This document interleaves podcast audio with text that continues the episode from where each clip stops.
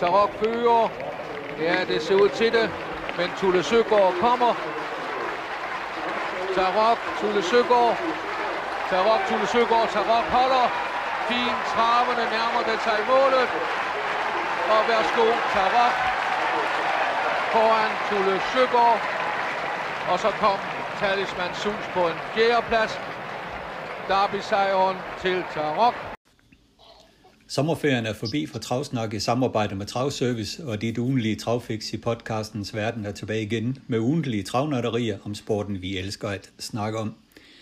Årets hovedbegivenhed, Dansk Travderby, afvikles på søndag i Charlottenlund, og vi sætter selvfølgelig maksimal fokus på begivenheden.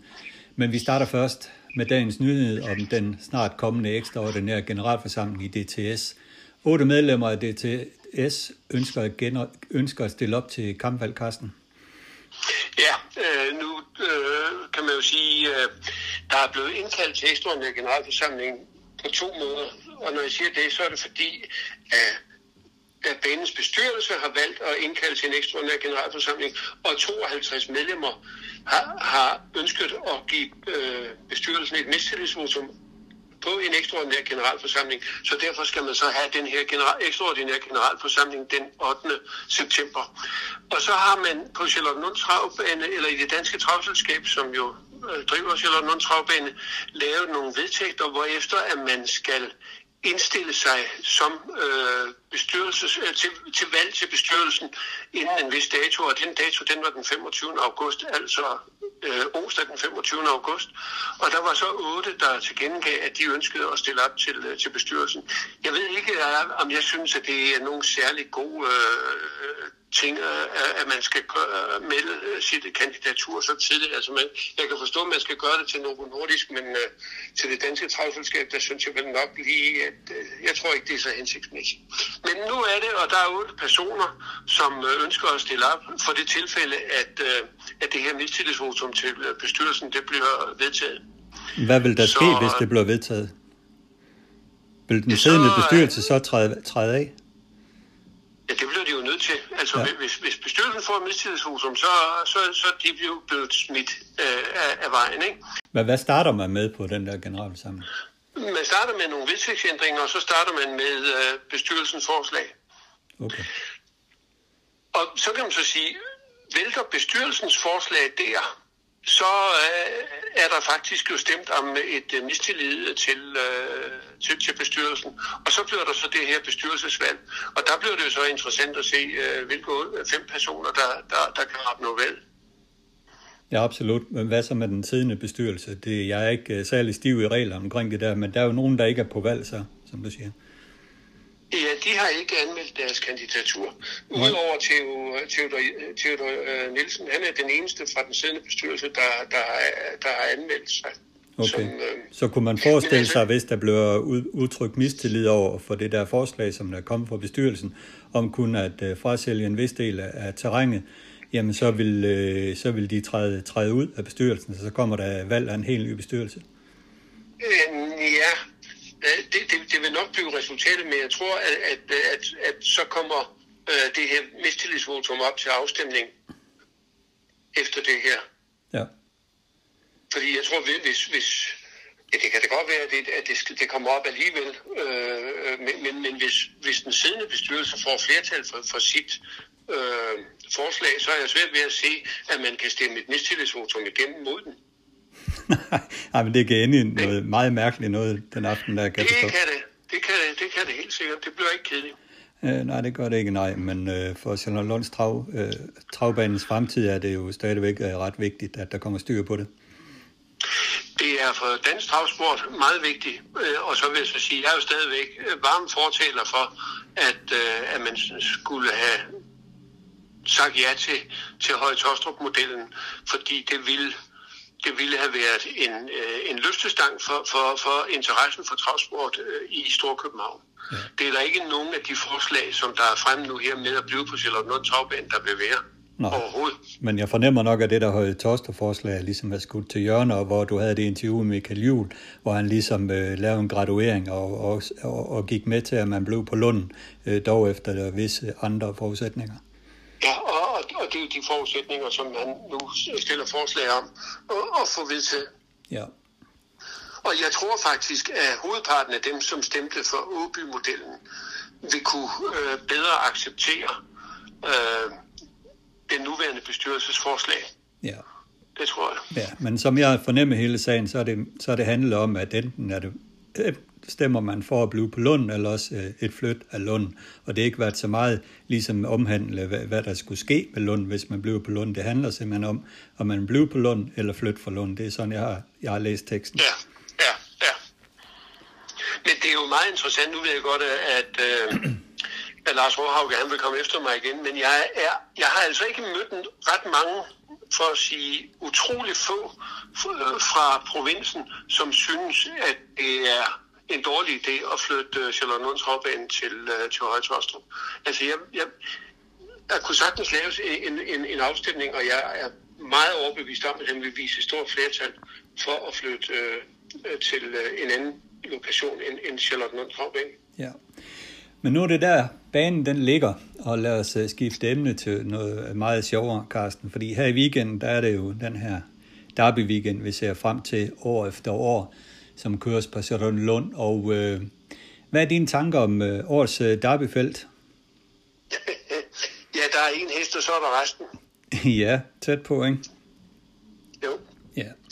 Det, det må man jo sige. Festival of Speed øh, er, har jo startet 11 gange og vundet 11 sejre, og den har ikke været i nærheden af et nederlag.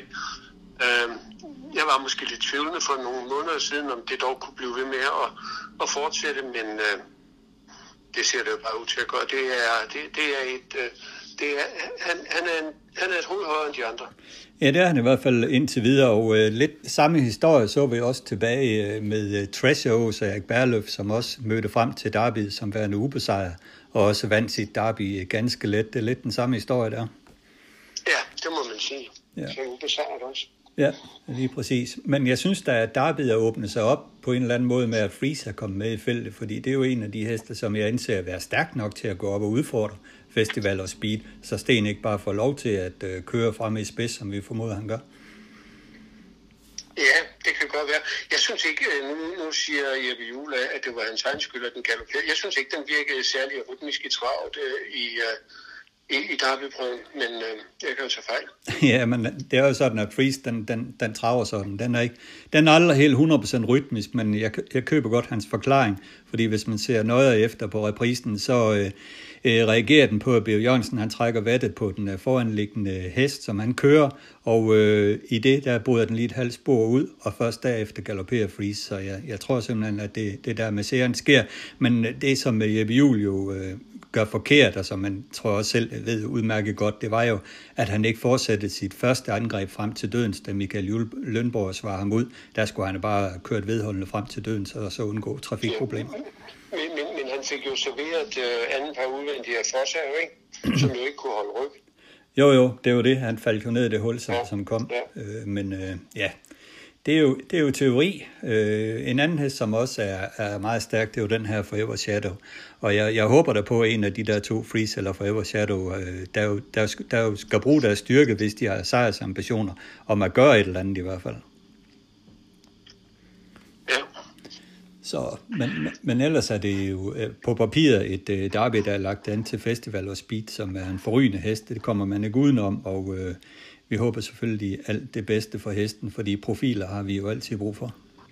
Ja, øh, og, og den virker jo virkelig øh, til at være... Altså, den, den havde jo ikke nogen problemer med de 2500 meter i Derbyprøven, eller det får den heller ikke med de 3000 meter. Nej, jeg hørte det. Det, det, det, det, det er en klasse. Ja, jeg hørte det i en interview med Sten Juhl, hvor han jo sagde det her med, at den klarede distancen i Derbyprøven, og den klarede også de 2360 meter i Aarhus, så han troede heller ikke, at den fik problemer med de ekstra 500 meter. Nej. Nej, og det er jo lidt specielt, fordi hvis man tænker på hans far Kantabhold DE, så var det jo en, en øh, meget, meget eksplosiv Kantabhold søn. Masser af temperament, en rigtig sprinter. Nile Lobel og mormor til den. Altså, der, der er jo rigtig meget sprinterblod i den her hest der, men øh, den ja. har styrken og viljen. Den har styrken også. Ja. Helt sikkert. Ja. Så er der årets hoppedarby, som jeg på papiret jo nærmest synes... Men, jo, men hvis, hvis, hvis vi lige skulle blive lidt øh, ved, øh, ved, ved, hvem kan blive nummer to? Ja, det er rigtigt. Altså mit, mit første bud, det er First Blood. Øh, jeg synes, den hest har gået frem fra start til start, og dens præstation i derbyprøven, hvor den blev brugt stenhårdt fra spå 8, og den første kilometer, hvor den fik tryk, og først øh, gav op øh, til sidst. Jeg gav op, gjorde den jo ikke engang, men den fejede til mål på anden pladsen bag Forever Shadow, var meget, meget lovende, og øh, den tror jeg på at ramme formen nu. Ja. Øh, jeg, jeg tror nu sådan, at Forever Shadow nok skal vise sig at, at være, være nummer to, men jeg kunne godt forestille mig, at Phoenix Vang, jeg synes, den, den, øh, den kunne løbe med frem.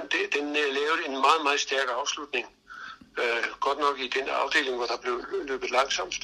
Men, uh, men jeg, blev ikke, jeg blev ikke overrasket, hvis Phoenix Vang, han laver en overraskelse. Nej, absolut ikke. Jeg havde en uh, god snak med Victor Rosle omkring hesten. Han var da også uh, meget optimistisk og ville uh, slet ikke afvise, at den kunne løbe med helt frem uh, efter den præstation, den viste i derbyprøven. Men både hest og kusk er grøn. Det skal vi også huske i den her sammenhæng. Det er rigtigt, ja.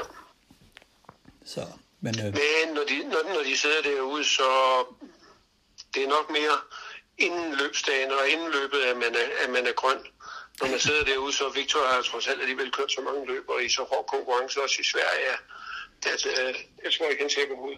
Nej, det gør han givetvis ikke. Apropos så en ung kusk, så skal vi også øh, fremhæve Niklas Korfitsen lidt. Han vandt jo i går, det kan sige, at vi opdager, optager det her torsdag, han vandt jo i går på, i Norge med øh, Thai Brooklyn, en, øh, en prøve til det norske travkvarter, og øh, kører både derby hopløbet med Friday, og uh, hvad hedder den? Fantastisk design. Fantastisk design i finalen der i Derby, og øh, det, er jo, det, er jo, det er jo mægtigt stort for sådan en ung gut. Ja, man må jo sige, at han får meget fine chancer også af Bo Vestergaard. Men han forvalter dem, og, og det er jo flot. Ja, lige nøjagtigt. Han forvalter dem fint jo, ikke? Det er ja, jo det. Ja. Og det er jo derfor, han blev ved med at få chancen. Det er jo, det er jo netop ja, derfor. Netop. Ja. Så jo, der kan skrives mange historier om, øh, om øh, Derby-finalen øh, på søndag. Det er, der, det er der slet ingen tvivl om. Der er mange historier bagved Festival Speed, der også kan fortælles. Ja. Det er synd, at Jørgen Hanke ikke er med os mere. Det er han. Ja. Ja, lige præcis. Han, har, han kunne jo have oplevet en fantastisk dobbelttriumf med først anden plads i Derby med Festival og Speed og First Blood. Ja. Så ja, det er, det er, det er virkelig synd. Hoppederby, lad os øh, springe til det. På papiret øh, kan det blive et fantastisk løb, synes jeg. Fascination, øh, Fox on the Run. Og Flower Dust er jo klar til at give hinanden en, en, et forrygende fight. Ja, der er, altså det virker som om, at der er de tre heste der, der lige er, er, er hovedet højere, ikke? Øh, og vi må sige, øh, hvis Fascination ikke havde været syg, øh, da hun var i Aarhus, men havde vundet øh, den, øh, i, i, i hopprøven der, så ville hun jo nok øh, have været den, den, den helt store favorit stadigvæk, fordi så havde vi jo måske også set hende i Jyske fire års hoppe Grand Prix. Ja. Hun virkede jo i fjor som øh, om, at hun var en klasse bedre end, øh, end, end de andre. Men selvfølgelig så har jo Flowerdust og øh, Fox on the Run jo vist præstationer sidenhen, som øh, måske gør, at, øh, at de kan matche hende. Ja, det, det er der slet ingen tvivl om. Altså Fascination i sin prøve, det var så lidt en prøve værdi. Altså hun vandt på en 15 tid, fik lov at bestemme meget undervejs og så videre, hvor, hvor Flowerdust den fik lov at gå lidt og vandt på en 13 tid. Og jeg er der slet ikke i tvivl om, at vi skal løbe en tid omkring 12,5 her, her på lørdag for at uh, vinde det løb, og det kræver en stærk hest til slut. Og derfor øh, tror jeg faktisk mest på, på Flowerdust. Jeg tror, hun har styrken til det. Jo, men det bliver meget interessant, hvordan det her løb det, det, det bliver kørt. Jamen det gør det. Altså ingen tvivl om, at Fascination øh, er hurtigst fra start. Men øh, hvornår og hvem der vil gå op og sætte det første tryk, det er jo det, der er spændende. Altså, Ben Svendsen øh, vil jo næppe tolerere, at øh, Jeppe Juhl får lov til at køre 15 km igen. Så vil han i hvert fald åbne balder og gå på med øh, flagdust, ja. tror jeg. Ja, men jeg tror også, at Jan Dalgaard kunne finde på at uh, gøre et eller andet med Fox on the Run. De, øh, altså både Peter Rudbæk, han vil vinde en mindre placering, den er ikke så vigtig for ham. Så det at, øh, at øh, give køreordre til Dalgaard, og han skal sætte sig ned ryg på Fascination, det, det tror jeg simpelthen ikke eksisterer.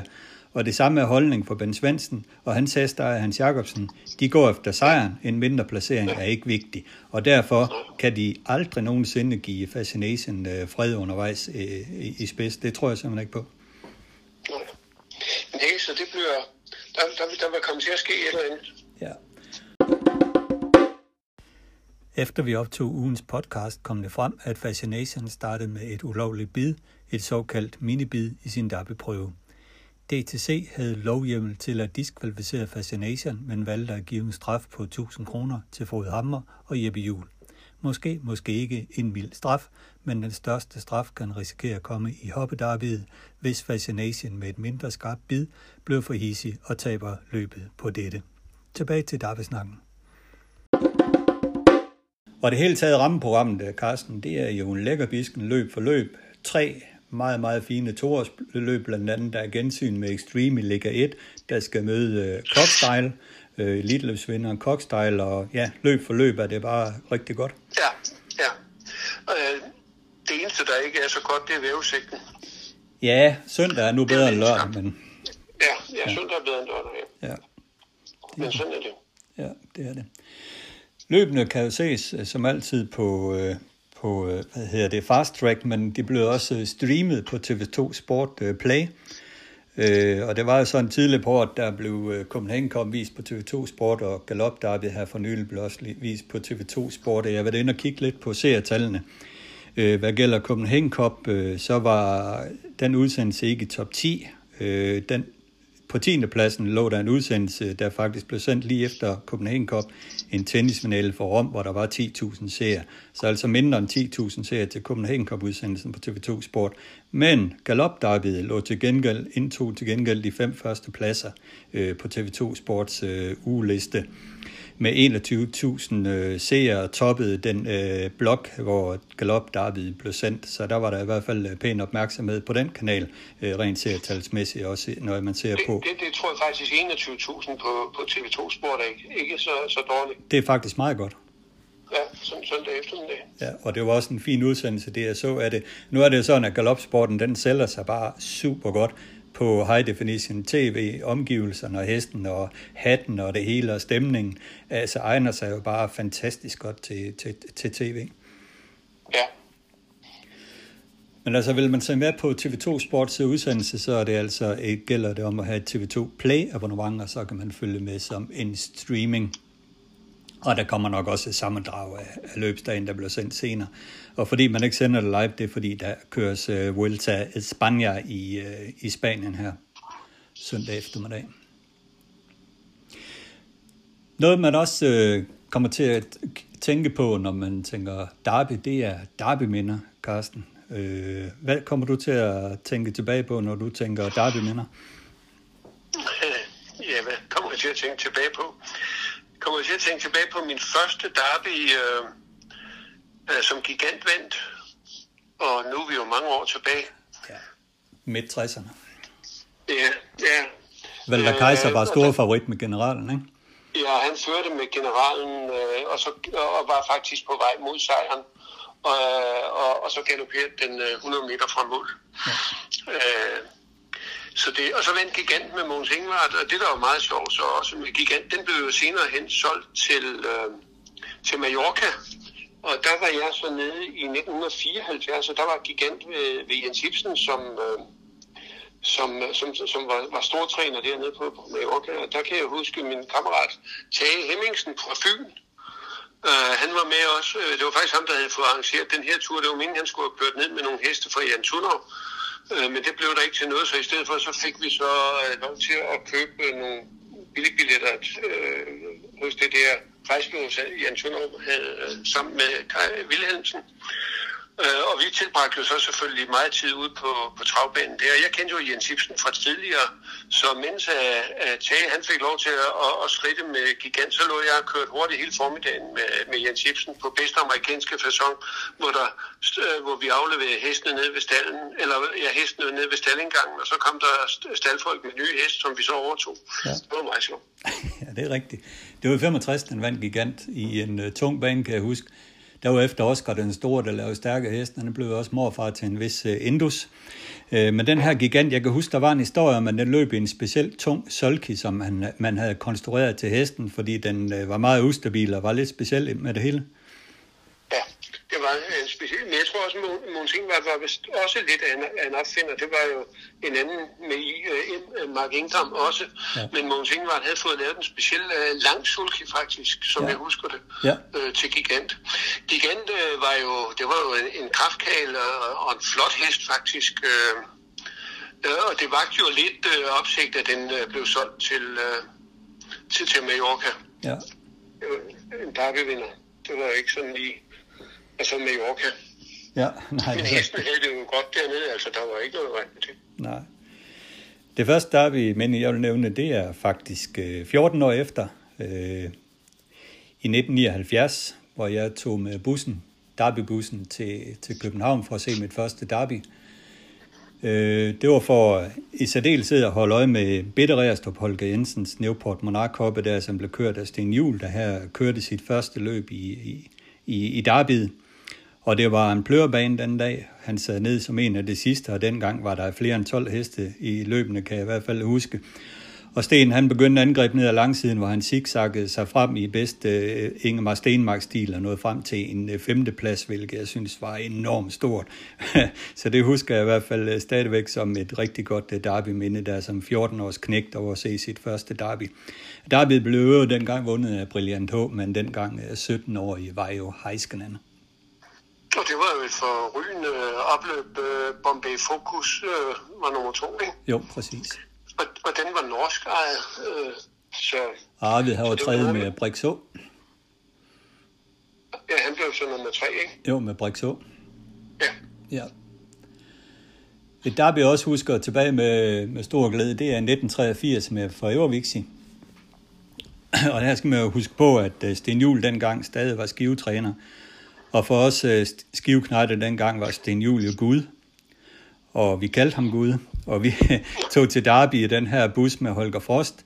Og så den her Derby-sejr, øh, og vi, vi, vi festede som vilde i den her bus på vej hjem, og jeg husker den der bustur ganske glimrende, øh, fordi på et tidspunkt hen over Sjælland, så holdte Holger Frost ind på en resteplads, og vendte, og vendte sig om i bussen og råbte ned til os, at enten holdt vi kæft, eller også blev vi sat af. nu, gad han ikke, nu gad han ikke at høre mere på den der fest over den her derby-sejr til Sten Juhl med Forever Vixi, men øh, for os var det jo altså helt forrygende den første, jo hans øh, 10 øh, kuske derby-sejr, ham her Sten Juhl. Jeg- må da sige også, at jeg er da også gode vinder Adam Paradiso, som øh, Preben Kjærsgaard vandt med. Ja. Preben og jeg var ungdomskammerater havde vores første travhest sammen. Øh, så det, og, og Frække Frederik, som, øh, som jo øh, blev født, imens øh, Annette og jeg øh, var sammen, Annette Jørgensen.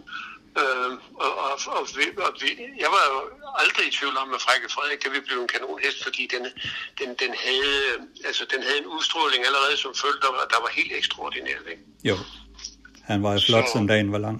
Frakke fra. Ja, det var en dejlig hest. Ja. Det var det. Og det er den havde Preben jo så også. Den købte han jo øh, for en slik på auktionen. Ja. På åringsauktionen, på Derby-auktionen. Ja. Øh, 25.000, tror jeg det var. Ja. Øh, og udviklet til øh, at være en rigtig tophest. Jo, jo, det var ikke bare Derby, den vandt. Den, var jo, den nåede så vidt, at den også startede elitloppet og andre kæmpe store To, løb. to gange, to Ja, gange endda, ja, ikke? ja. Så, Og vandt svenske Sangletjer og Kalmarsund pokaler. Ja. Ja. Jamen, det, han var jo en international traver, altså det var en af dem, som vi godt kunne ønske, at øh, ekstrem udviklede sig til at være, eller, eller Festival of Speed måske, ikke? jo, absolut. Det sidste derby, jeg vil kaste i ringen, og det er nok det, det derby, der, der betyder mest for mig, det var da Ripaden, Massi, den vandt derby i 2012. Fordi det er jo, jeg er jo kammerat med Knud Mønster, og, øh, og følge vejen frem til, til den der derbysejr, det, det har jo altid været fascinerende. Jeg var med på DDC-aktionen, da Knud købte hesten til sin store øh, daværende hestejer dengang, Bjørn Koldshoved, for, for 210.000. Øh, herefter Offshore Dream af News from Heaven, en hoppe, som Bjørn Koldsrud selv har haft stor glæde af i, i Norge. Og Knud han førte jo den her øh, replay med at sige frem til, til en suveræn fireårs øh, sæson, hvor den jo vandt øh, Derby i overlegen stil. Og jeg ved ikke, du kan huske det den dag, Carsten, da, lige Jo, før der- Derby, der kom det der et skybrud. Det stod, nede i stænger, ja. Ja. Og det måtte udse, udsættes, ja. Ja, det var det. Jo. Og, og Knud, jeg vidste jo godt, at Knud han havde at køre i regnvejr. Det, det kan han simpelthen ikke fordrage. Men han fortalte mig efter løbet, at han smed handskerne kort inden start. så de ikke fedtede linerne, og så, ja, jeg tror simpelthen, det var et eller andet mentalt, han kastede væk der, altså, for at gøre sig klar til løbet, og så, ja, i løbet, der gjorde han jo kort badon, kørte tidligt frem til spids, og vandt ja, ja. Jo, jo ganske let. sikkert, ja. ja. Så det var... Og han det var, var jo også, øh, han, han var jo også øh, årgangens bedste. Ja, og, og, og, og lidt sjov detalje, det var også, at Knud selv på det der tidspunkt trænede stenhårdt. Han løb hver dag og var virkelig i topform, og det kan man jo også se i de billeder, øh, der var ham dengang. Altså, jeg tror, han øh, var bare så meget, øh, havde så meget fokus på at, at, øh, at optimere alting, at det både var hesten, udstyret og ham selv, der var tip-top på dagen. Og, og så gik alt jo op i en højere enhed, og øh, gav jo den, Bjørn Koldsrud den her sejr, som han længtes efter, den her derby-sejr, som han også var tæt på med Mars. Og øh, ikke så lang tid derefter, så var det jo, at Bjørn Koldsrud fik økonomiske problemer og måtte øh, sælge sine heste. Så, men det er jo en helt anden historie. Men øh, derby-sejren, den nåede han at få med ved Knud Mønster, og det var stort. Og når vi nu taler derby-aktion, hvor Ripe MSI blev købt, så skal vi også opleve en, øh, tror jeg, forrygende derby-aktion her, her i weekenden øh, lørdag aften øh, på York. Jeg synes jo, kataloget i år er exceptionelt godt. Det ser på papiret rigtig spændende ud, ja. Og der har jo også været stor interesse øh, ETC med, med de første 300 pladser til, til, til spisning, der starter allerede tror jeg, kl. 17.30, øh, og, og skal være afsluttet inden øh, selve auktionen. De er solgt, med forsøger at få presset nogle flere øh, ind, øh, men, øh, men det kan godt have været sidste udkald, hvis ikke man har fået købt billet til, øh, til spisning. Ja. Men, men man kan jo sagtens komme til auktionen, selvom man ikke skal spise. Ja, ja. Og noget, der også glæder mig meget, det er, at ligesom opdrætterne er kommet med på beatet nu, og har fået lavet nogle gode videoer og nogle gode billeder af hesten. Altså videoerne, de er lavet af professionelle fotografer, det er ikke noget tilfældigt, noget der er optaget med en telefon. Altså, det ser altså bare rigtig godt ud, og det er bare den rigtige måde at præsentere det på. Og så har jeg også bemærket, at Susanne Olsen holder en Facebook-side opdateret omkring DTC-aktionen, hvor alle heste bliver præsenteret med, med billeder og, og tekster og videoer osv., hvad det er. Altså, jeg synes virkelig, man har, man har løftet sig i år. Ja.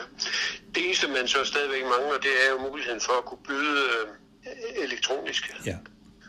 Altså at lave en online, øh, og, og, fordi der er ingen tvivl om, at, at det er øh, fremtiden. På samme måde som, som du jo forvent, i Sverige ikke længere kan, kan gå hen og, og sige, at jeg vil gerne have 50 vinder på en hest til, til, til noget totalisatorpersonale men udelukkende kun kan spille på, på, på din, øh, på din øh, mobil eller, eller tablet, ja. så bliver det jo også nødvendigt, at øh, selv DTC må, må øh, arrangere en, en online aktion. Ja, præcis. Og det kan være, at man ændrer holdning til det, efter at købeloven blev ændret her ved årsskiftet, så der ikke er den her det retur. Kan, det kan man jo nok forvente, at man så ja. gør. Men det kræver så noget mere af det tekniske setup, altså der skal være en meget hurtig responstid på, på, på udsendelse og, og modtagelse af bud og så videre. Altså det, det kræver et andet teknisk setup, det gør det. Ja, men de findes jo. Det gør det, ja. Så det er et spørgsmål om at bare gøre det. Ja. Men som vi også gjorde sidste år ved Aalborg-aktionen, så har vi hver sær plottet tre heste ud, som vi synes kunne være interessante, og du lægger ud med nummer 5, Carsten. Jeg lægger ud med nummer 5, øh, som hedder Jade fordi øh, jeg vil, jeg vil tro, at i og med, at den er rød, så er den opkaldt efter en jadesten. Det kunne man tænke Ja, den er efter øh, franske Brillantissimi, og så Tourmalinhof. Og Tourmalinhof er jo en uh, helsøster til uh, derbyvinderen Axel, men hun er jo også mor til Freeze efter Ganymed. Så øh, det er jo, og så har hun også lavet Gokeng, som øh, Trine i Jacobsen, og, og lige startet øh, sin, sin øh, løbskarriere. Jeg synes, at øh, jeg her øh, ser meget, meget spændende ud, og jeg er meget betaget af den brillantisme, som jo godt nok øh, er en er en fransk øh, hængst, men øh, den er, det, det er en meget smart fransk hængst, og, øh, og, og den, øh, den blev faktisk øh, manageret efter italienske storløb af, af sin øh, ejer og træner, Philippe Allaire. Og den har lavet mange smarte afkom også. Det synes jeg, det, det er virkelig en, en hængst, jeg tror, der, ja. som vi kommer til at høre meget mere til. Ja, og der er også begyndt at dukke nogen op over i USA faktisk efter den, både som to og tre også. Så jo, det er en fremtidens ja. Altså mit udgangspunkt... Skal du ikke sige Ja, øh, mit udgangspunkt har, har ligesom været at prøve at springe over de helt oplagte heste, fordi der er jo oplagte heste i det her katalog, som, som jo bare uh, siger spar to, ikke? Der er jo selvfølgelig Extremes uh, Helbro Icebreaker, som jo ser forrygende ud, og, og minder meget om sin bror, ikke? Altså, det er jo de oplagte emner, som jeg prøver at gå lidt udenom og fange nogle jo, af de andre. Jo, så er der jo også den efter Gugugaka, det er den, den sidste ja. efter Turvalin uh, ja. Jo. Det er jo også en af dem, der vil blive dyrest. Den har jeg heller ikke taget. Nej, og Jesper Elbæk, JBK-gruppen, har jo den her I Love Hancock øh, også med i programmet. Det er jo en øh, total kopi af sin far, øh, Love You, med en kanon måde at stamme. Jeg tænker også, at der bliver meget stor bud efter den. Men hvem har du? Ja, jeg har taget nummer et, Igor Nord- Nordic, der efter Explosive Matter og Lovable Lo- Volo, som er en hop efter Yankee Glide. Den har samme mållinje som Super Arnie, og moren har på fire afkom lavet tre med sejre i rækken. Øh, faren der Explosive Matter, han laver rigtig gode hængste, og øh, ja, gør det hele taget godt som avl. Ja, der vil jeg så lige have lov til, og øh, du ser rigtig gode hængste. Ja. Den laver rigtig gode valakker. okay, men så må de jo kastrere den her. Jamen, du kan jo se uh, Hamiltonian-vinderen Pinkman, som er hans bedste afkom. Ja. Det er en valak. Ja. I Sverige er hans bedste afkom Policy of Truth. Det er en valak. Mm. Så ja, ja. det er... Men det er vedløber. Det er vedløber, ja. ja. Øh, men øh, det skal nok under kniven. ja, det jo ligesom med Balance Image engang, dit afkom, der var de fleste Jamen, den er også øh, øh. Ja, det er korrekt. Så har du nummer 32. Og, og, vi kan vel sige også, at uh, Lindsay's County, hvis gjorde det jo også. Mm. Bestemt. 32 har du.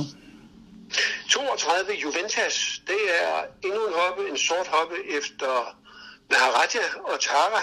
Tara, Tara med rekord 13-6, startede kun 19 gange efter Varane og Waking Salsum. Og Waking Salsum, hun er mor til uh, Aime Foto, der vandt både kriterier og, uh, og, og Derby. Så jeg synes, der er meget, meget spændende, uh, meget spændende mållinje på den her. Maharaja, han uh, laver både hængste og, og hopper, ja. der er gode. Ja. Så, så det, det, den skal man sørge for. Ja, og hvor som morfar, det er altid godt. Så. Ja. Der er ikke noget at komme efter der. Endnu et øh, meget, meget spændende afkom. Så følger jeg op med nummer 52 i Sola LC, som er efter STS Caviar, en af mine favorithængste, af Coca Cabana, der er en ready hoppe. Øh, Coca Cabana var selv lynhurtig, men ekstremt ustabil men jeg håber da, at hun afleverer sine travgener videre her, og Reddy som morfar i hvert fald viser sit værd. Det er hendes første afkom, og mormoren der er Neville Duchess, hun, hun er kort som elite stod i Sverige. Men også det, jeg hæfter mig ved, nu har jeg kigget samtlige videoer igennem, og øh, jeg synes ikke, jeg har set en bedre video på en hest end på den her Isola LC. Den udtrykker virkelig klasse og eksplosivitet i, i sin video og et godt trav. Så den, den vil jeg holde rigtig godt øje med, nummer 52. Vi hopper lige lidt tilbage så til nummer 49, I Beat the Beat. Og den har jeg jo valgt på grund af, at øh, det er jo sidste årgang, af, der findes efter Dream Vacation. Og øh, Dream Vacation og Blue Wave, som er mormor til ham her, øh, lavede jo øh, Nobody Beats the Beat. Så jeg synes, det er et meget, meget øh, interessant kryds, øh, som, som der er i øh, I Beat the Beat, som jo også ser fortryllende ud på, på, på de fotos, jeg har set af den. Øh, One for the Money, morgen er ustartet efter Not Disturbed, som var en, øh, eller som er en, øh, en Dubois-hængst, som Dubois havde faktisk, det kan jeg huske, at de talte meget om, og den vendte Dubois sig rigtig meget af i avlen, men det kan godt være, at han har gjort det. Men det, den, det har, den har ikke rigtig indfriet det uh, så meget i avlen i hvert fald. Men, men blodlinjerne på den er jo gode nok. Uh, Not Disturbed er, er, er uh, efter det nu Ja. Og så Island Dream, og Island Dream, det er jo en af stamhopperne i, i, i en af de linjer, som uh, Dubois han har. Ja. Så uh, I Beat the Beat, meget nært beslægtet med Nobody Beats the Beat, godt nok en hoppe, men Dream Vacation, okay, han var måske også en af dem, der lavede, uh, har lavet valakker, men, uh, men uh, den, uh, den, den, den ser spændende ud. Ja, jeg tror i hvert fald godt, man kan forvente sig en stærk hest, fordi Dream Occasion heste, de er stærkere med Not Disturbed som morfar. Der får man uendelig meget styrke, øh, men ikke så meget godt trav. Øh, så man, man kan da håbe, det hele går op i noget af enhed på den her hest, men i hvert fald spændende. Ja, Dream Vacation havde jo faktisk kommet Hugo også jo, ikke? Ja. Så vil jeg slutte af med nummer 55. En hest med et lækker navn, synes jeg faktisk. Ivanhoe Henley, efter Maharaja, som har en fire heste med på aktion efter salg af en, så vidt jeg husker. Øh, moren hedder KLM Lindy, og hendes morfar er Lindy Lane, og han er jo også morfar til Calgary Games, den ubesejrede øh, Timo Nomos øh, derby-favorit. Det er en meget, meget lækker hest at se på den her Ivanhoe Henley. Gå ind og tjek den video, det er en rigtig traver. Mormors far er øh, Tibur, og det er jo altid det plus i, i den her stamtavle, og øh, kigger man på morens afkomst, så er der stor startfrekvens øh, på de der heste. Der er faktisk en uh, helbror til den her, uh, som er godkendt på 18.6 i Norge, som starter i aften på Bjerke, som man kan holde øje, lidt øje med. Så den synes jeg er vældig spændende, den her uh, Ivanhoe Henley. Ja. Det var dem, Carsten. Så kom vi rundt om det. Jamen, det gjorde vi da. Og vi kom rundt om det mest omkring uh, Derby og så videre, og uh, der er vel ikke så meget andet at sige til det. Nej, der kunne jeg ønske rigtig god derby weekend. Præcis, og så får jeg her endnu et afsnit af BS og Dyrbær ugens aktuelle, som selvfølgelig også handler om David for det meste.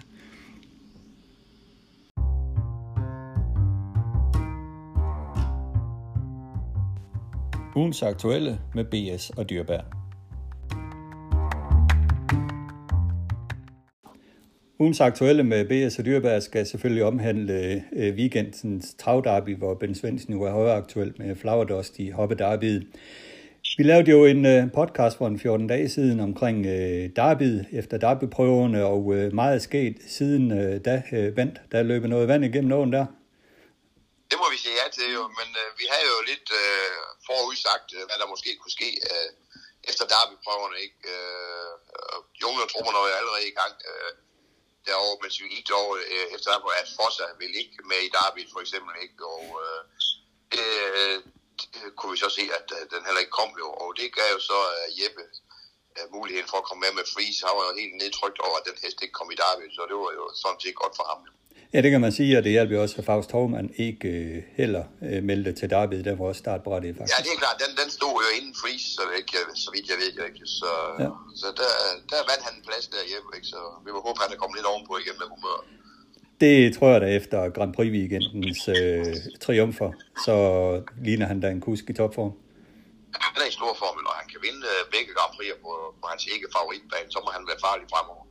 Ja, skal vi lige vente det hurtigt? Garfield, øh, gasolin, gasolin, som du har en vis aktie i, øh, de gav hinanden et drabeligt opgør, kan man sige. Ja, jeg synes, det var jo et fremragende løb. Jeg ville selvfølgelig gerne have haft gasolin kig, øh, fejlfri F, som vi opdrætter af ham, ikke? Men øh, Garfield er en lækker hest, det er kongen indtil videre jo, men øh, det kunne have været sjovt at se, hvis du kom ind på lige bane fejlfri begge to jo, men øh, det ser ud til, at de er to af dem, der allerede har skabt deres profiler i, i den årgang, øh, og bliver spændende at følge næste år, ikke? eller allerede i kvarteret selvfølgelig. Ja, men jeg må også omvendt sige, at jeg har det lidt svært ved at se vores øh, uh, top slide sig rundt i Aarhus på den måde over 2360 meter to gange på 14 dage. Jeg tror simpelthen, det er for hårdt.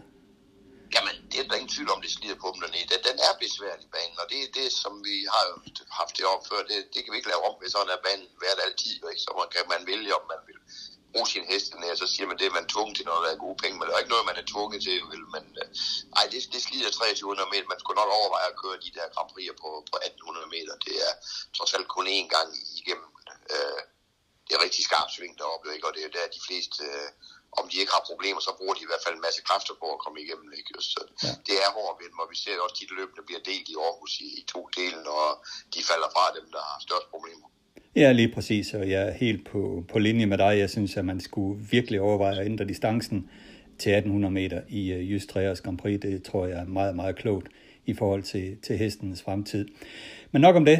Tilbage til, til derbyprøverne og Freeze. Øh, den havde vi jo ikke med i vores top 5, men som du også selv advarede om, øh, så vil den i tilfælde af start i derbyet rykke ind på din top 5. Ja, altså, jeg, jeg, jeg der tager en ind i, måske i dødløb med en eller to af de andre, jeg har taget med jo ikke, men der er ingen tvivl om, at den har en utrolig styrke, og man kan også se, at øh, jeg kan bare udtale bagefter, at han skulle køre det løb om 10 gange, så blev det en anden taktik jo, end han lagde i, i derbyprøven, ikke? Så vi får nok se en, øh, en offensiv uh, Jeppe Juhl med, med Friis nu, uh, og ved, tror på hans hester vil køre den på styrken, og om den så rækker, det, igen det åbne spørgsmål på de her 3.000 meter med dem alle sammen. Jo. Jamen det er det, og det er jo det, der gør det rigtig spændende med den her, om, om festival og speed bare får lov til at, ligesom at styre det løb, eller de to heste, der skal leve på deres styrke for Ever Shadow og Freeze, går frem og våger det ind øje og tester. Ja, det, det, det, det, det skal vi nok lige til at snakke om, om lidt også, det der med at gå frem med noget i, i derby sammenhæng. Ikke? Altså, det, det kommer an på, hvad intentioner man har. Om man kører for at, at få rigtig gode penge, eller man virkelig kører med vinderambitioner så hjælper det jo ikke at lade Festival Speed styre, styre de første 1500 eller 2000 meter vel, i den fart, han gerne vil, fordi så slår de den i hvert fald ikke. Jeg tror du ikke, de slår den alligevel jo, men uh, har man vinderambition, så må man også sætte tryk på i det her, der har vi jo ikke. Ja, jeg synes også, da jeg talte med Morten Jul omkring First Blood, at der, der var han selv lidt inde på, at øh, jamen, øh, min er hurtigt fra start, hvorfor skulle jeg ligesom øh, slippe til, til sten? Altså, det var lige hans umiddelbare tanke. Ah, det, det kan være, han gasser lidt, Morten. Det ved jeg ikke rigtig. Øh, han lød meget seriøs. Ja, han lød meget seriøs, men er det ikke sådan, at uh, i hvert fald for mig at se, er First Blood langt bedst med et rygløb på en speed jo. Der er ingen tvivl om, han er stærk også jo, men uh, jeg synes at han har givet sig, når han har haft spidsen jo ikke. Han, han kan sådan slutte af, når han får det rigtige løb, jo, men han kan selvfølgelig vælge at lave noget tempo det første stykke vej med, med den anden udvendige. Det er jo, jamen det er, det er jo det der med taktikken, den er vældig åben jo. Jamen det er det. Man har, mindre der er så stor respekt, at der bliver sluppet direkte, jo. Det, det ved jeg ikke jo. Nej. Men som du korrekt øh, forudsagde, så valgtes det jul spor 5 med festival og speed. Det var ikke nogen overraskelse. Nej, det var det ikke for mig i hvert fald. Jo. Det, er, det er altid hans udgangspunkt på, i Derby på den distance, og det startsted, der nu er der ved, ved 3.000 meter over, den er utrolig svær inden fra 1 og 2, i hvert fald fra 1 og 2, og, og længere ud i 5 skal man jo heller ikke, men om der er nogen, der ved, hvad man skal have i Derby, så er det nok Mr. Mr. Derby himself jo, ikke? Ja. Han har selv uh, talt lidt om at uh, ændre lidt. Uh, han går jo med vat og, ho- og hovedlag, men at pille vat ud af ørerne, så den kan høre lidt mere. Ja, det har jeg så ikke været ops på, at han har været ved at udtale sig om, jo, men øh, er det vat ud i træk, du mener, eller vil han køre den en vat? Det tror jeg nu ikke på. Jamen, den, den plejer normalt at gå med vat og øh, øh, ørehætte. Okay, men der var hans han intention ja. at pille vat ud, og så bare have den ørehætten på, for at den kunne høre ja. lidt mere. Ja, ja, men det er noget, han må vurdere på dagen også, tror jeg, hvor, hvor temperamentet er henne. Vi har jo set, at den kan løbe på bilen nogle gange jo. Øh, og det bliver jo ikke en fordel, hvis det er 3.000 meter, og den skal måske i en, i en lidt hårdere åbning, end den plejer. Det er jo klart, der vil, at du bliver kørt om at få ryggen på den under alle omstændigheder. Jo, ikke? Så der bliver jo en åbning, en, en måske 300-400 meter. Jo. Ja, præcis. Fetlock John, den talte vi slet ikke øh, om sidste gang, men jeg kan se fra Kim Madsen, han udtaler, at den øh, var, var nedsat med infektion, der er i darbeprøven, og måske også derfor, den puller sådan på i spids. Øh, vi talte jo pænt om den efter Grand Prix i Aarhus. Øh, har vi overset den? Nej, jeg ved ikke, om vi har overset den. Altså, jeg er fuldt overvist om, at den hest ikke skal gå i spids. Øh, lidt, lidt eller first blood, synes jeg, den måske øh, ligger lidt for hårdt på, når den siger, den er i hvert fald på, så det ud til i derby-prøven, ikke? Og, og, det går jo ikke på de distancer, det så vi også, om, om den så er nedsat af infektion eller halsproblemer, det ved jeg ikke jo, men det vil jeg da ikke håbe for dem, for det bliver da svært at rette på 14 dage jo. Altså, jo. Jamen det er medicin, man har tilladelse til at give. Ja, der er ingenting, vi må give der. Jo anden, anden ren vand, jo. Ren ud sagt, jo. Så sådan er det bare jo. Ikke, jo. Men, men lad os nu håbe, den er, den er i hvert fald er på top, men jeg tror, den skal have et rygløb, og så kan udbilde sin speed. Jo. Det, det er min vurdering af den. Jamen, øh, jeg er helt, øh, helt enig med dig. Den, den går bedst på ryg. Det har den i hvert fald gjort øh, tidligere. Men øh, Festival og Speed er selvfølgelig stadigvæk vores favorit. Nej, det kan vi ikke ændre på. Den har en hest, der er ubesejret på den måde, den har gjort det. Den kan man ikke komme udenom. Nej. Hoppedarbid. Øh, her den anden dag var der et interview med Jeppe Juhl, øh, hvor på Dansk Hestevedløb, hvor han kommer med sådan en øh, Ben Svendsen kommentar, eller jeg taber aldrig, med Fascination. Så du den? Ja, han sagde vel ikke, han taber aldrig. Han sagde bare, at der er ingen, der slår min hest udvendigt fra det, er der ingen, der kan i hele Europa. Og, og hvis han mener det, så, så er jeg sgu for, at han har ret, jo, hvis han synes, den er så god. Jo, ikke? Men uh, det er nogle planer om at ændre på. ja, selvfølgelig har du det. Øh, det er da klart, men øh, hvorfor tror de, de vælger at spore et øh, med en hissig hest? Øh, vel ikke det bedste spor? Kan der være en lille galoprisiko? Nej, jeg, jeg tror ikke, den kan galopere. Det ved jeg godt, alle heste kan. Den er så ekstremt starthurtig, og derfor, jeg udtrykte allerede lige umiddelbart i vindercirklen efter uh, min sejr i, i derbyprøven der, ikke, at uh, uanset hvad der sker, sagde jeg, så får jeg det spor, jeg gerne vil have. Og med det mente jeg jo, uh, det kan jeg sagtens sige bagefter, at jeg vil sidde udvendigt både på, uh, på øh, hvad hedder det, Fascination og, øh, Fox on the og Run. Fox on the Run. Jeg kan ikke, øh, ingen af de to heste, der kan jeg passere fra start eller svare op, hvis jeg har det indvendigt. Og derfor, øh, jeg vil godt sige, nu at jeg har faktisk tænkt mig, at jeg vil vælge, hvis jeg skulle have valgt først, så har jeg nok taget spor, spor 3 eller 4 år, jo, for at være- være sikker på øh, at kunne komme til i hvert fald, fordi de er så ekstremt starthurtige, at øh, det var der ingen, der følger, det tror jeg ikke på. Hvad nu hvis øh, Dalgaard han vælger at øh, køre en blød dødens udvendig på Fascination? 10 sekunder. Ja. Øh, ja, der tager vi lige igen. Hvis, hvis Dalgaard øh, vælger det, jamen det er jo det.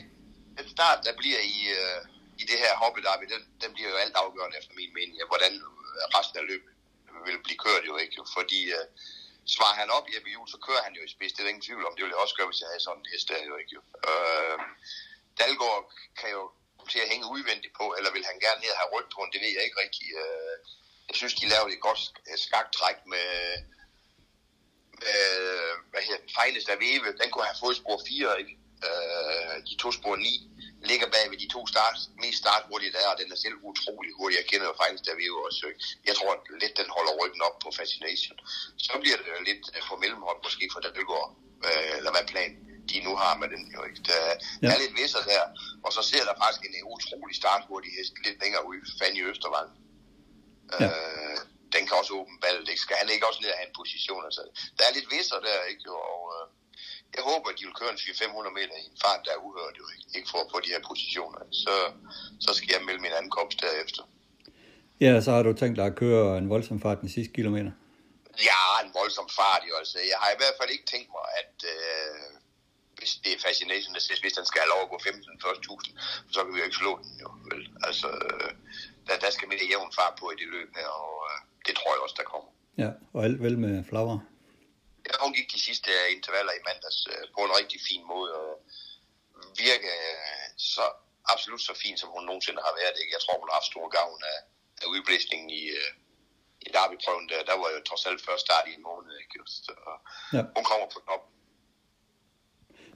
Og med norsk hovedlag, som du nævnte, og hvad du Ja, det bliver halvåben norsk skole, og så hvad du i trækket. Hvad du i træk har hun haft på en eller to gange som tre år, så jeg kan ikke rigtig huske det. Hun har ikke haft det i år. Det har været med fast vat, og øh, sådan nogle ting. Det giver alle, alle der lige nogle meter, når man trækker i snorene der, ikke jo? Altså, jo så, ja, det, vi glæder os som små børn, som Jørgen Lausen ville have sagt. ja, det bliver et fantastisk løb. I det hele taget synes jeg, at Derby-weekendens løb, øh, ja, alle der vil, øh, de er kommet, øh, altså de, de bedste er, og de fleste er kommet til start, ikke? Jo, men det er vel creme eller creme, vi kan samle i Danmark, og så med lidt uh, input fra vores kære hollænder, der kommer og stjæler vores penge hver gang. Jo, ikke, jo. Ja, det, er sagt, det er sagt med en god mening. Ikke, jo. Men uh, det er jo et fantastisk rammeprogram også, der, og alle løb er jo faktisk fyldt op. Jo. Uh, der er vel kun, er det, jeg tror, er det Derby Consolation, der, der kun er 11 i, hvis vi lige skal tage den med. Jo, ikke, Jo, men der er lidt hul og hist og pist, men altså ikke, Jo, jo, ikke noget, man, men man har, hæfter sig ved. Man, man har delt uh, toårsløb om lørdagen også, ikke? Og sådan Ja. noget, ikke? Der er jo utrolig mange toåringer ude, ikke? Uh, Ja. Fredag, lørdag, søndag, ikke? Og, Ja. og blev et spændende, det åbne toårsløb blev også spændende. Der er nogen, der har valgt at gå derud direkte med heste, der ikke har startet, jo. Ja. Ikke. Så, ej, det er... Lad os nu lige få vejr med, så bliver det en fremragende derby weekend, og med publikum på den her gang, ikke? Ja, præcis. Det bliver super godt. Sverige skal vi lige runde, inden vi går videre til at tale om derby-aktionen. I Sverige var der derby-prøver at gå på jeres robanen, og øh, det er jo meget, meget lækre dyr, vi får lov at se på øh, i hele aften. Altså, jeg er nok nødt til at sige, jeg tror, jeg tror de fleste vinder af dem, vi så i Sverige, de vil kunne vinde det danske derby, uden at forklare nogle af de danske Jamen, det er der ingen tvivl om, de vil rende øh, hjørner med. dog op nogle heste, vi så jo. Ja. Ikke, jo. Øh, klar på dagen, og jeg lige vil sige, heldigvis var det jo øh, favoritterne, der gik hen og, og kom videre op i Sverige. Ikke. Altså, for de har jo ikke det her pjat i Danmark. Vel. Der var startlisten jo fem minutter efter sidste afdeling var kørt. Ikke? Og sporene også, ikke? og det er sådan, vi skal have det. Jeg synes, det er så, det er så spændende hver gang, lige man kan få det der at vide med det samme. Jo. Ikke, jo. Ja. Og ikke alt det der diskussion, kommer jeg med, kommer du med, vil de med, og her skal de sgu med. Ja, det er det. med det. Ja, det, det er et rigtig godt koncept, de har. Og så må vi tage hatten af for en Mr. Darby deroppe. Ham kalder jeg Simon Humus. Ja. Ikke? Altså de der tre sidste vinder, han leverede, øh, jamen alle vinder var imponerende, ikke? men øh, hans ubesejrede heste, han selv ejer der, ikke? Øh, Calgary Games. sikkert en laks, ikke? Jeg må indrømme, jeg har ikke, jeg har ikke lige lagt specielt mærke til den inden det her, jo. men uh, det tror jeg, vi kommer til. Uh, men jeg har svært ved at se, hvem der, der vinder det deroppe, fordi jo del med gode vinder i, i mange af afdelingerne. Ikke? Ja, det var det. Men hvis vi blev ved Timo Normans, han havde 12 heste anmeldt til Derby-prøverne. Han vandt øh, fire øh, løb. Ja, han vandt også et hoppedarby Han vandt et hoppedarby-prøve og tre, ja. tre hængste. Og det er jo tydeligt at se, at hans heste er totalt spændt op, når de kommer til derby-prøver. De ligner så nogle øh, egyptiske maratonløber, når de møder til start. Altså, og nogle gange kommer det over, men når det fungerer, ja, så, så er det jo ikke. Altså, han har jo i hvert fald et mål med de der unge heste, han har, eller overgangsheste. Det er Derby. Det er der ingen tvivl om, hans. Kriterium Derby, det er det, han har dem til. Jeg ved ikke, om du hørte interviewet med ham jo. efter efter den er hans egen, der, der vandt jo ikke, der kun har startet de fem gange jo ikke. Jo. Ja. Altså, han sagde jo bare, vi træner, og vi træner, og vi træner, men de skal ikke slides op i løbet. Jo, ikke? Ja. Og det, ej, det er sgu imponerende, synes jeg ikke. Det, det, det er stærkt at tage tre derby prøver ud af, ud af seks, jo. Ikke? Og det var, det var faktisk fra tre forskellige positioner også, de vandt løbet. Ikke? Ja, og med forskellige kuske, ikke? Altså, han holder nogle ja, faste kuske ja. på den, de forskellige det heste. Og så synes jeg da lige, at han kom med en stikpille, vi skal have, hvis vi skal have det med til en, vis ejer af, hans bedste hest nogensinde, Redley Express, hvis du lader mærke til Ja, den hørte jeg godt med, med, da med Jorma. Sammen, hvem der, om det var Jorma Conte, der så kører han sit derby. Her bestemmer jeg da selv, hvem der kører, så for jeg ejer den selv. Jeg tror, det var en lille hentydning til et vist prik jammeri i tidernes morgen. ja, ja.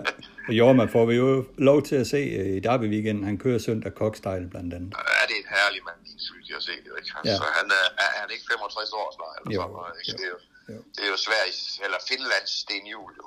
Ja, men der er godt nok ikke mange ord i ham, når de laver det interview med ham. Nej, men han kan ikke sige mere. jeg er i hvert fald helt stolt af at hilse på ham en gang, dengang han vandt uh, Copenhagen Cup med Bravo Sund. Der var jeg med uh, Rico, da han, ja. han boede i Skive uh, i København og blev præsenteret for ja. ham. Ja, det... Han kan faktisk godt, han taler flydende svensk, og han vil jo, jeg ved ikke om han er generet, at han bare ikke orker det der med journalister, for jeg kan sige, der er en lille, lille en helt nyt interview med ham, lige vil sige. Forleden dag var Seppo Kukunen inde i min stald og lige hilse på, og mens han sagde det, så ringede Jorma til ham. Ja. Og øh, så slog Seppo selvfølgelig telefonen til på medhør, ikke? Fordi, øh, og så sagde han en hel masse lynhurtigt på Fint, som vi andre ikke får fat i. Jeg kunne høre, han nævne svensning, så sagde jeg bare lige, hallo Jorma, ja. går det med dig? Så sagde han, det går bra, så han siger altid bra jo. Ja, ja. Men der var ingen tvivl om, at han forstod, hvad jeg sagde, og det svarede han bare på. Jo, jo. Ikke? Han, øh, og jeg har også mødt ham mange gange på banerne, ikke? fordi jeg har mødt ham i en kuskematch i Skive en gang, og sådan noget, også i forbindelse med Seppo. Ikke? Han taler ganske udmærket, men han lukker jo af, når der er, ja. må man sige, når der er journalister. Jo. Ja. Thank you. Jeg vil i hvert fald sige, at jeg aldrig nogensinde trykker hånd med en hånd, der er så stor som hans. Det er jo ligesom at trykke hånd med en stegepande. Det var, det var du nødt til at have ørefil af. Han har kørt mange heste. Ja. Ja, Men ellers øh, blandt hopperne, så uh, faldt jeg pladask for Hall of Fame, en Muscle Hill hop på en Enjoy Levæk hoppe. Klart at se temperament der for Enjoy Levæk, men uh, teknikken og, og, ja. og, og, farten for Muscle Hill. Ja. Altså den, den, den er man nødt til at sige, der er stor favorit i deres hoppe der, ikke? Altså den, den vandt, var det ikke 11-6, den vandt på, eller sådan noget? Jo, der omkring. Ja, og det var ganske lidt, som det hedder, jo, ikke? Så, ja. Men igen, det er, det er jo fantastiske heste, men vi er nødt til at også lige kigge lidt på afstamningerne. Ikke? Jo, jo. Altså, det er en helt anden liga her. Ja, det, der, kan, der kan vi sgu ikke være med. Det, det har med penge at gøre også, jo. Ikke? Altså. Øh, jeg ved godt, Stam gør det ikke alligevel, men det fornægter sig ikke, jo. Vel? Nej. Øh, Nej. Hvad hedder han? Øh, Timo Nomos heste, det var Old Eagle, uh, Redley Express uh, og Moscow Hill, de tre. Ja ja. jo efter. Ikke? Det, er, det er jo toppen af poppen, som vi siger, ikke? og hopperne er jo absolut ikke dårligere der. Nej, nej. Nej, nej, slet, slet ikke. Det, ja, men sådan er det. Det er skønt at se sådan nogle vedløb. Ja. Fantastisk. Ja, ja, det var det i hvert fald. Apropos afstamninger, så skal vi tage et kig på øh, Derby-aktionens katalog, Copenhagen Sales, som det hedder. Og jeg synes da faktisk, at øh, årets øh, katalog er noget af det bedste, jeg har set. Ja, det har jeg i hvert fald gået og bildet mig ind også, og sagt til dem, jeg snakker med, og nogen siger, det må der bliver ingen priser, så man siger, jeg tror jeg godt, at de tager fejl i år. Altså fordi øh, der er virkelig kvalitet på, på drengen den her gang. Ikke? Der er nogle morstammer, som man kan kigge ned igennem, der, der selv har gået godt og har afledt øh, heste, der kan løbe, og det er jo alfa og omega i at købe, købe unge heste, det er, at hopperne har vist, at de kan aflede og selv har, har kunnet løbe i hvert fald. Jo, ikke? Og så er der jo også tophængste på mange af dem den her gang, og så er der jo altså kun øh, 57 heste tilbage på aktionen, nu er 59. Ja, der, der er jo en, øh, som der står solgt ved, og det kan du jo godt løse øh, sløret for nu. Jamen, den har en af mine heste, jeg har købt, det var hest nummer 20. Den øh, efter Maharaja og Elegant Lady, øh, der ringer en af mine hesteejere, der siger, den er jeg helt vild, men jeg tror, at vi kan øh, få lov at køre ned og kigge på den. Det kunne vi absolut godt få lov at køre ned og kigge på den, ikke? Og øh, Ja, det, det, jeg er jo lidt imod, at man sælger dem inden tiden omvendt, så øh, det var Peter Folige, det ved alle jo, det er ham, der opdrætter. Han sagde bare, med den, med den pris, min hestejer ville give for hesten, så turde han ikke op ind til aktionen. Øh, det er lidt forkert, men omvendt, så skal han også leve af at være opdrætter og få gode penge hjem. Ikke? Men summa summarum, den står i min stald, nogle lækker hester, vi har kørt den til. Maharaja Elegant Lady. Ja. En af flere Maharaja på aktion. Maharaja har jo virkelig slået igennem som afsing efterhånden. De går alle steder jo ikke. Jo. Altså, Ja. så, Men jeg synes sådan gennemgående, at øh, kvaliteten øh, både blandt hængsten og i særdeleshed også blev, blandt hopperne er blevet øh, meget bedre. Det er ikke bare Bartolomeus og når man, man trækker 10 Nej. sølv på. Altså, Nej, der er virkelig kommet noget generationsskift på den. Ja, det, det er der absolut. Det må man nok sige. Der har de oppe sig opdrætterne, og det de har været nødt til jo ikke, for der er ingen, øh, de kan ikke være med ellers hesten jo vel. Og du kan heller ikke sælge og få nogle penge for noget, øh, altså, der er lavet på naboens øh, ikke som det hedder jo. Ja. det, der, der, der skal være kvalitet på nu, og når der, når der er det, så er der også køber med gode penge. Det har det jo vist sig jo. Ikke? Der, er der er jo trods alt solgt heste på aktionen over til, til 400-500.000, altså danske heste. Ikke? Jo, jo. Øh, ikke fordi jeg tror, der måske kommer nogen i år, og så alligevel er der en hel bror til, til ekstrem... Øh, jeg tror ikke, man får for 50.000 i hvert fald. Nej, og jeg har da også bemærket et uh, ufatteligt godt billede af den der I Love Hancock med topafstamning. Jo, Øh, øh, absolut. Som, som ser su- suveræn godt ud, som jeg ved, som har haft øh, mange interesserede Men øjne på det sig. er det, jeg siger, der, er- der er mange fine hester, og der er gjort noget ud af også at lægge billeder og videoer ind på dem, øh, næsten samtlige den her gang, og det, det fremmer også interessen, i hvert fald fra min side på sådan nogle heste, ikke? at man kan se, hvad det er, man går efter jo. Ja. Så, Det var noget, jeg er- efterlyste meget kraftigt sidste år, da vi talte om de aktioner med, at opdrætterne de gjorde sig den der lille umage med at få lavet gode videoer og gode billeder af dem. Og, Jo, jo. og der er rigtig mange, der, der har taget, der, der i hvert fald øh, har, har, lagt, har lagt det op nu på deres heste. Jamen, det, det er de nødt til, som jeg siger. Ikke? Vil de være med i toppen og så opdrætter og få der gode priser på dem og få folk til at interessere sig for dem, så er man nødt til at gøre sådan der. Nu har jeg jo øh, gode kammerater med Thomas Lindholm, med hans svenske opdrætter. Han har altid gjort vældig meget ud af det der over at hjælpe ham med over, når aktionshesten de skal, de skal løbe op og lede af ikke? Og, og få dem vist frem. Og jeg, jeg ved, at, at trænerne og, og køber, de elsker det, når der bliver lagt øh, de der ting ind. Og, og han har kamera, han, han har fjernsyn med på aktionen, der står uden for boksen, ja. hvor man ser, de løber der hjemme i folden og sådan noget. Så det er, ja, det er, det er imponerende. Og det, og det er sådan, det skal være jo. Ja, lige præcis. Det har jo tidligere været diskuteret med omkring tidspunktet og øh, stedet. Hvad er din holdning til det? Øh, jeg synes, det er ganske udmærket. Ja, det er et fremragende sted derude på, øh, På York? øh, på, på York derude. Det, det synes jeg, det er. Det ligger perfekt. Jeg ved, det er lidt... Ja, selvfølgelig et stykke vej derude, ikke? men er man seriøs og skal ud og bruge 200-300.000, så betyder det altså ikke noget at køre 25 km ind fra København. Jo. Øh, Og hvad med men- tidspunktet? Kunne det ligge på et andet tidspunkt lige i Darby? Men, ja, kunne det nok, men det er jo der, vi er. Ikke? Vi er der jo der, jo. Så hvis vi nu siger, folk, nogen vil jo gerne have, at det var, det var ikke på en løbsdag. Jeg tror altså ikke, der kommer de samme mennesker så. Der, der kommer... Øh, jeg, jeg, jeg synes, det er fint. Det må jeg nok sige. Det har jeg ikke noget imod. Ja. Ja. Nu de bliver. Der er været snak om, at de vil have det ind og ligge ind på Lund. Ikke? Altså, Ja. Det var et år på Klampenborg. Det synes jeg jo selv var, var et rigtig dejligt sted. Ja, det var, det var måske også udmærket at gå derud, jo ikke? Jo, men øh, der er, jeg synes virkelig, der er gode rammer her på, på York til det. Ja. Hvad er det, du først du kigger på egentlig, når du får listen over de anmeldte åringer? Jamen, det er morstammer, må jeg nok sige. Altså, det, det hjælper ikke at gå hen og købe en... Øh, der, der kan også være en hop, øh, nu skal jeg ikke tage fejl, der kan også være en hop, som har, som har måske tjent en million, ikke, og vundet 25 løb. Og så har den, øh, så har den 8 eller 9 følge, der ikke har tjent over 100.000 hver.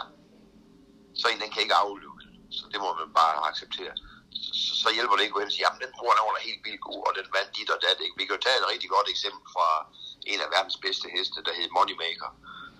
Øh, har den overhovedet smidt noget, der, der tangerer, hvad hun selv lavede? Det tror jeg ikke. Nej, men det, der er så spændende ved hende, der er så, hendes døtre, de er til gengæld smidt en hel masse rigtig gode heste. Det kommer jo så i anden generation, ikke? Og det er jo det, hvis du lægger mærke til, når det er jo det, mange opdrætter også er begyndt med at få lidt yngre hopper i avl, ikke jo? Øh, hvis du rigtig ser på det, så er det tit sådan en anden generations hop, der er ustartet, der smiger nogle helt vildt gode følger, ikke? Ja, lige præcis. Øh, og det, det skal man også lægge mærke til, ikke? Det, ja. det er det, der er utrolig vigtigt. Ja. Hvad er sådan din limit på en hoppe? Hvor mange øh, følgemåner smidt, før du står, står væk og siger, det er for meget? Jamen, det, det, det er man jo nødt til at kigge lidt på, om den der, der nu er nummer, skal vi sige 10 i rækken, kunne den også løbe, ikke jo? Altså jo. Så er det jo ikke en katastrofe måske at tage nummer 11, vel? Men, øh, men, men det er jo forskelligt fra individ til individ, og så igen der, om de kan afle, ikke ja. Er det vigtigt for dig at kende moderlinjen så? Ja, det er det. det, er det. Ja. Den går jeg vældig op i.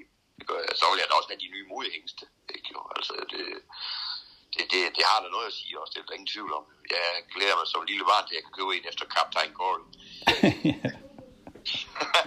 ja, det er jo det. Du er ikke bange for at investere i en plag efter en ny. om, at, at Go Go Gaga ja. afkom. Nu er der kun én jo, ikke jo. Den får for også en toppris. Det, det er jo en, en bror til Come On Hugo. Ja, den ikke? sidste på listen. Ja. Og fra Michael uh, Korfitsen. Hansen der. Ja, Korfitsen. Nej, Hansen er det jo, men det er lige meget. Ja, Hansen, Hansen uh, selvfølgelig. Og uh, selv amerikanerne har jo fået øjnene op for, når de har fået den solgt. Det kan du tro, de har fortrudt, at den står i Sverige, ikke jo. Go Go Gaga jo.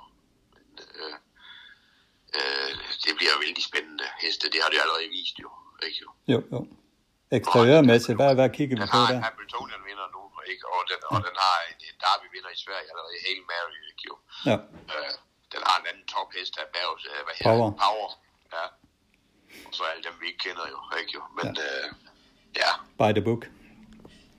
Også det, ja. Og så siger du eksteriørmæssigt, uh, han, der må jeg jo sige, Kaptajn Croy, den minder jo en del om den jo, ikke jo. Ja. Eksteriørmæssigt jo. Men hvad kigger du selv på der, Bent? Uh, på de heste der, eller hvad? Nej, bare sådan generelt, hvis du skal kigge på en plag. Hvad, hvad har du mest øjnene på? Nej, jamen, jeg, kan jo, jeg, jeg er helt vild med, at de er meget ret stille på bagben. Altså, de ikke står med noget kroghasser og noget, ikke? Fordi øh, for en, en, driver som mig, så kan de åbne dem, der, der er ret haset jo ikke.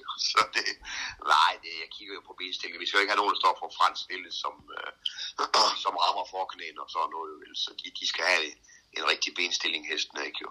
Og så er det det, jeg kan godt lide, at vi kan se uh, videoen på de her plage, hvordan gangen er på dem, når de kommer for fuld fart, jo ikke om det, om det er paradetrav, eller de har noget effektivt trav, jo ikke. Ja.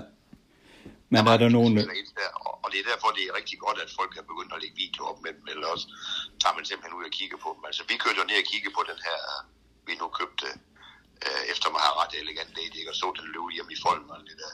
Ja. Det, det har jeg jo ikke kunne se over på, på aktionen. Jo. Så, Har du kigget på den, der hedder Ivanhoe Henley, efter Maharaja? nej, Den skal du gå ind og kigge på. jo. Vil du have det? Vil du have det? Ja, hvis jeg er råd. Men hvad hedder det? Øh, hvad med de der veterinære anmærkninger, som er på mange heste, især omkring øh, operation af OCD? OCD? Hvad, hvad siger du til det? Det siger jeg ikke noget til. Jeg, jeg, jeg, jeg siger slet ikke noget til, når det er gjort jo. Altså operationen er, udført og, øh, og tjekket op på, at den til synligheden ikke får indflydelse på hestens øh, karriere, står der altid. Det, det skal man jo næsten skrive jo ikke, men der, omvendt er der ingen veterinær, der vil skrive det, hvis de ikke mener det, for så hænger de på den jo. Ja. Øh, så der er så stramme regler og, så god øh, tjek på sådan noget i dag, at selvfølgelig kan der, kan der komme en kikser, ikke jo? Øh, eller noget, der ikke har virket jo, men det er ikke noget, jeg tager så tungt. Der kan jeg i hvert fald sige, at det, det er ikke noget, svenskerne de går op i. Det der, Nej. når de ser på hest. Det er lidt opreklameret i Danmark, det der med, med mus kalder vi det jo ikke, altså jo løs benbider jo ikke. Ja. Det er klart, de skal, de skal da fjernes, hvis, hvis det er jo også det, der står, øh, der står op siger til nogen, der, der kan have sådan en, øh, en mus, ikke, hvor der står, øh, ser ikke ud til at få, få indflydelse på hestens videre udvikling. Ikke? Jamen, hvad fanden, så har der ikke gjort noget ved det jo. Vel? Altså, Nej. jeg, jeg kommer altid tilbage til, at Macloville, den havde 13 mus. Jo, jo, men det kommer an på, hvor de sidder. Sådan er det jo med, Ja, med det er jo det også jo. Ikke, jo. Men det er klart, det, det læser man jo også igennem. Jo, ikke? Og er der ingen anmærkning, så er det jo fint. Jo. Ja, ja. Men det er ikke noget, der sådan bekymrer dig voldsomt.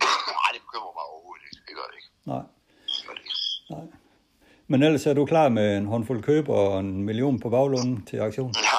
Nej, men øh, jeg har køber, og jeg er interesseret i nogle heste. Øh, jeg har også en eller anden idé om, at jeg vil ikke give øh, så siger vi, det, selvom jeg har en køber, så synes jeg ikke, at øh, vi kan give en halv million for sådan et år. Ikke? Det, det er svært at forsvare, ikke? hvis ja. man skal op i de prisklasser der. Det, det, det er del med mange penge. Øh, og, og, så, og det er jo en lodseddel jo. Ikke? Jeg havde min gamle, en af mine bedste hester, jeg nogensinde, Morgan Svensson, der er i Gudgej og øh, Sorte Stensgaard. Han vil aldrig nogensinde købe en hest på en, øh, på en aktion i en etåringssag. For han, så han sagde, at det er en løjseddel. Jeg vil hellere give det dobbelt for en sag, når den er to år, og så jeg kan se den, se den løbe lidt i vogn. Ja. Og det har han lidt, det har han lidt ret i. Jo, ikke? Der er jo, nu ved jeg godt, at de der statistikker, der er lavet med de dyreste på aktionerne, det er jo ikke lige dem, der har vundet de fleste penge. Nej, men det er jo det, der er så spændende, ikke? Ja, det er det, der er så fascinerende også ja. jo, ikke jo. Øh, jeg kan jo give et rigtig godt eksempel, tager vi lige med her. Come on, Hugo igen. I den overgang har jeg udset mig en anden hest til Anders Hansen. Der. Jeg havde fået lov at bruge 200.000 på en, på en uh, hest, og vi ville købe en hest uh, på den aktion i samme overgang. Jeg nåede ikke nævne nogen navn, for jeg ikke nogen. Den var faktisk blevet solgt om formiddagen uh, okay. ud på aktionen jeg blev helt tosset på den opdræt, der havde gjort det. Ikke? Den gik til Sverige, den her hest. Øh, I den her, ja, det var gode penge, jeg havde for den, ikke? Jo? Altså, ja. jeg kunne købe for det, jo. Øh, og jeg måtte ringe til Anders Hansen og sige, vi, vi kan købe den for den her solgt. Ah, altså, så ser du finder en alligevel, du, sagde han så, ikke? Og så, og den her, den kostede 200 ved. Det fik han for den om ja. formiddagen der. Så fandt jeg en anden en jo, om aftenen, og det ved I godt, hvad det er. Det var Common Hugo til 20.000, ikke? Og det aller sjoveste ved det er, den her, den har ikke tjent 20 endnu, den anden, vi snakker om. så der er, øh, ja. det er jo det, der er så fascinerende ved det. Ikke? Det er jo ikke ens med, at du har verdens mest vindende hop om verdens bedste hængst, at du så får verdens bedste hest, jo. Nej, men du kører jo, er på papiret en bedre chance. Det gør man, absolut, og det er heller ikke for at forklare det, jo. Vel? Ja, det er bare det, at der er også plads til folk, der ikke har så mange penge, som godt kan få en god hest, jo. Ikke? Ja, lige præcis, og det er jo det, der jeg synes, ja. der også er rigtig sjovt. Man kan kigge dem ud.